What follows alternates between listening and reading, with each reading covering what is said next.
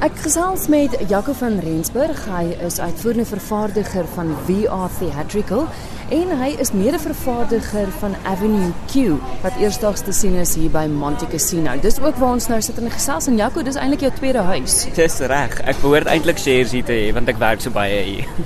Vertel vir my van Avenue Q. Dis 'n musiekblyspel, maar ek het nog nie van hom gehoor nie en soos ek verstaan is dit ook die eerste keer wat hy in Suid-Afrika te sien is. Dis reg ja. Avenue Q was nog nooit in Suid-Afrika nie. Ehm um, hy het in 2004 drie Tony toekenninge gewen vir beste teks, beste musiek en vir beste musiekblyspel teenoor Wicked wat die favourite was daai jaar om alles te wen. Ehm uh, so toe het ek en Kwesi Smit besluit ons dink is tyd om dit Suid-Afrika toe te bring. Hoekom nou? Want ek meen vir alles dit 'n musiekspel is wat al 3 Tonys gewen het hoekom nou Suid-Afrika toe of het julle net besluit julle gaan braaf wees? ja, weet jy wat, um, in Avenue Q eh, word daar gebruik gemaak van poppe. So dit is nie 'n kinderproduksie nie, maar uh die akteurs moet kan sing en kan dans en toneelspel doen en dan moet hulle 'n vierde skill hê om poppe te kan manipuleer. En uh omtrent 10 jaar gelede dink ek ons skillset van akteurs in Suid-Afrika was nog nie so ontwikkel soos wat dit nou is nie met al die internasionale produksies wat wat ons uh deesdae kry. Dink ek almal het baie meer confidence gebou en meer skills geleer en ek dink ons is nou reg, ons akteurs is nou reg om so iets te tackle.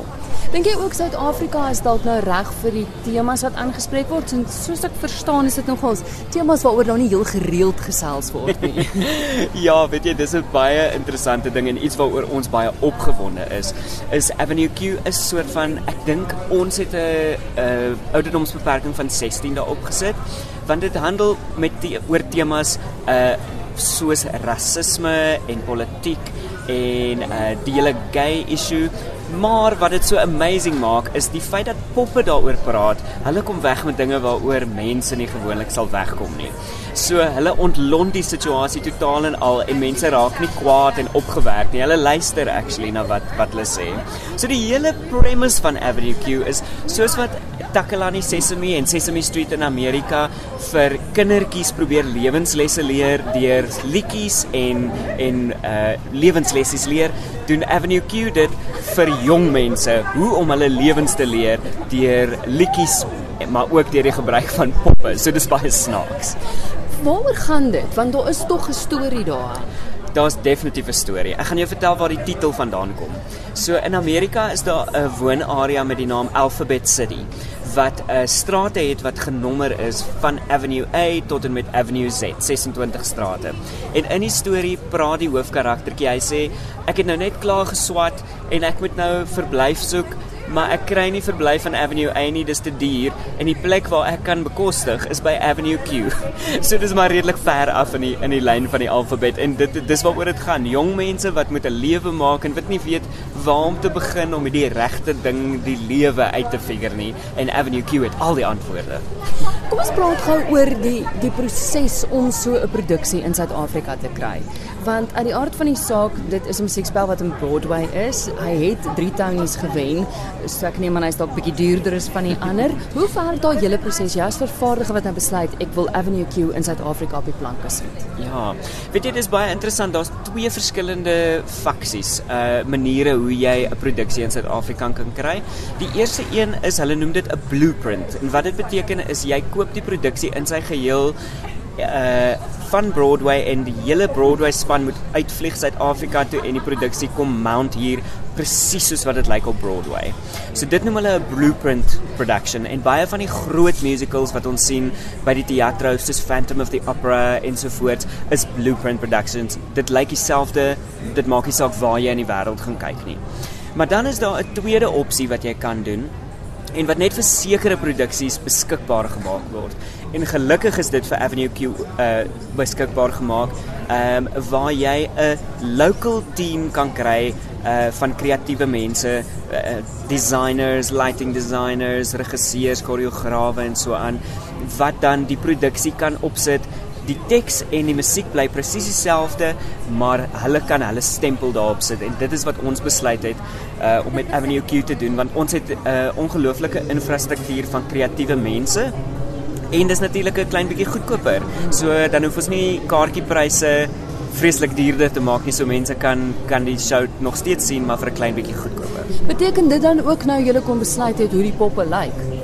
Ja, weet jy ons um, mag inspirasie uh trek van die oorspronklike ontwerpe, maar ons het heeltemal vrye teels om ons eie poppe te ontwerp en Cosie Smit uh wat ook die ko-vervaardiger is, um is getaske om die poppe te bou. en dit is nou 'n hele proses wat En kyk, hy kan baie doen, maar hy het nog nooit poppe gebou nie. Hy het nog nooit nie. Hy sê self hy het nou 'n graad in poppebou van die Universiteit van YouTube. Dis amazing hoe mense met tegnologie deesdae enige skill kan leer want die inligting is beskikbaar. En Kosie is verskriklik aanvaardig. So hy het gesê hy's op vir die challenge en hy het 'n amazing job gedoen. Um ek kan jou so klein bietjie van die poppe bou proses gou vertel. Um elke pop se kop en sy handjies en al die body parts, die lyfie moet geskalk word uit uit foam. Um en dit doen hy letterlik met die hand met 'n messie en 'n stuk uh foamolite en dan word dit geskalp en ehm um, dan met veld oorgetrek wat met die hand elke liewe steekie gesteek word. So so dan word dit met veld oorgetrek en dan word al die details, die oë ook met die hand gebou en opge opgeplak en vasgesit. En dan as hierdie proses klaar is, dan uh, word daar draadjies ingesit vir die armpies dat die arms kan beweeg en stokkies aan die hande sodat hulle kan beweeg en harde verhemeltjies sodat hulle monde kan oop en toe maak. En toe Kosie nou klaar is met die eerste stel, toe vat hy dit vir die regisseur wat toe nou vir hom feedback gee en toe vra hy maar kan ons ook maak dat die poppie dit kan doen en dat kan doen en toe sit back to the drawing board en toe moet hy weer heel voor begin. so dit is 'n ongelooflike tydrowende proses. Dit vat hom ongeveer 3 dae om een pop te bou. Maar toe is hy nog nie klaar nie want soos ek verstaan daar's 12 poppe, 12 karakters ja. en toe kom jy agter maar daar's kostuumverwisselings en jy kan nie dieselfde pop 'n kostuum voor verwissel nie as gevolg van die handjies en goeters. Ja. So toe bou hy nog met ander kostuums. Dis reg.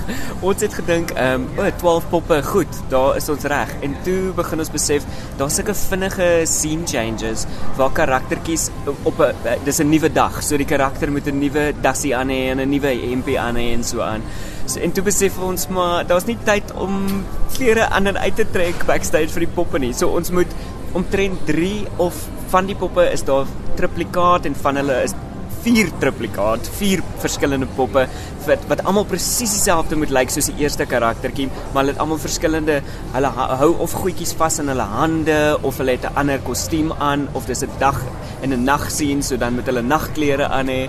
So Kosie bou verwoed aan al hierdie poppe nou nog. Jy het nou vroeër genoem van die vilt waarmee die poppe oorgetrek word ja. en so en dan ek het opgemerk is weer ander kleure soos wat dit ja. maar tipies in Takalani Sesame of Sesame Street of so is. Dis reg. Pers en hoekom wonder altyd ja. is dit moet maar net vir kleurvol wees of is dit juis om nie kleur te koppel aan karakters? Ja, weet jy, ek dink dit is dit is tweeledig. Ek dink in die eerste plek is dit 'n uh, vir kindertjies met die Takalani Sesame tipe idee, is dit meer interessant om verskillende kleure poppe te hê. En dan tweedens dink ek dit neutraliseer verseker die die die rasse ding. En omdat uh Avenue Q verseker ook deel met hierdie met hierdie kwessie, is dit baie baie makliker vir 'n pop om iets te sê want jy weet nie presies wat sy ras dit is nie. So die dinge wat hy sê is totaal en al geneutraliseer en dis en dis net snaaks. So jy neem dit net op face value vir dit wat gesê word sonder om dit te koppel aan oh, wat sy ras is dit wat dit nou sê. So daar's niks van dit nie. Ek gesels met Jaco van Rensburg. Hy is uitvoerende vervaardiger van VR Theatrical wat mede-vervaardiger is van Avenue Q wat eersdag gesien is hier by die Pieter Torin Theater. Nou, die wonderlike akteurs wat hy gekry het, ons het vroeër gesels oor die feit dat hulle eintlik alles moet kan doen. Ja. Vertel my gou, wie is hulle? Yes, like ons het 'n um, fantastiese span uh akteurs bymekaar gekry. Ek wil gou vinnig net vir jou van die audisieproses vertel as ek mag. Dit was so interessant. Um ons regisseur het gevoel hy wil graag kyk by die audisies wie van die akteurs ehm um, het onmiddellik 'n band met die pop. Maar toe hulle audisie het vir die eerste ronde het hulle nie geweet hulle gaan met poppe audisie nie. So jy berei 'n liedjie voor en toe hulle daar kom, toe besluit die regisseur hy gaan nou 'n pop in hulle hande stop en kyk wat hulle maak daarmee om te sien of hulle daar of daar 'n verband 'n verhouding is tussen hulle en die pop. En dis ook 'n mate van 'n bietjie improvisasie. Absoluut, ja. ja. En en daar gebeur baie van dit want al die onderhoude wat ons moet doen is ook die dis die poppe wat die onderhoude doen. So die akteurs moet kan op hulle voete dink en en vrae beantwoord as die karakters, as die poppe.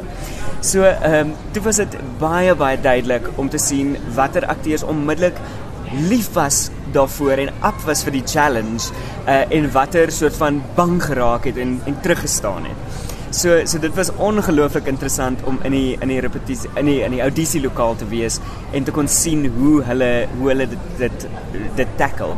En een van die ander goed waarna ons gekyk het was of die akteur bereid was om soort van te verdwyn en die pop die ster te maak en of hulle nog steeds voor wou wees in die limelight en die pop laat verdwyn. So dit was baie maklik ook om dit te sien. En die klomp mense wat ons toe gekry het is ongelooflike akteurs en hulle hulle verdwyn totaal en al want in die in die stuk uh is die poppe en die akteurs in full view. Niemand is weggesteek nie. Dis nie soos poppekas waar die akteurs weggesteek is nie. Hulle is in volle volle view. Hulle doen die koreografie met die pop aan hulle hand. Maar hulle moet die ability hê om te kan verdwyn sodat die pop die shine kan vang. So dis waarvoor ons gekyk het. En die groep akteurs wat ons het gekry het is ongelooflik. Ashley Harvey, uh wat in die Fugard se produksie van Funny Girl was. Sy's 'n wonderlike aktrise en sy speel die die uh, female lead, Kate Monster. En dan ehm um, speel sy het sy ook 'n alter ego, 'n tweede karakter wat sy speel, ehm um, wat Kate se uh nemesis is en die karaktertjie se naam is Lucy en sy probeer Kate se boyfriend afvat. Mm. So dit maak vir baie interessante interessante kykgenot. En dan in die manlike hoofrol het ons Clive Gilson wat ook 'n uh, 'n uh, groot hoofrolle al gespeel het in Spamalot en in Starlight Express en in 'n klomp ander musiekblyspele wat in Suid-Afrika was. Uh ook 'n wonderlike akteur en en hulle chemistry is net was net fantasties. So ons het hulle twee in die, in die hoofrolle ge, gecast belangrikste van alles is wanneer is dit te sien? Oh, Avenue Q sal vanaf die 11de Mei op die planke wees en ons speel vir 10 weke. So dis 'n lekker lang run. Uh maar ons hoop dat die mense aan die begin sal kom sodat ons die woord kan versprei.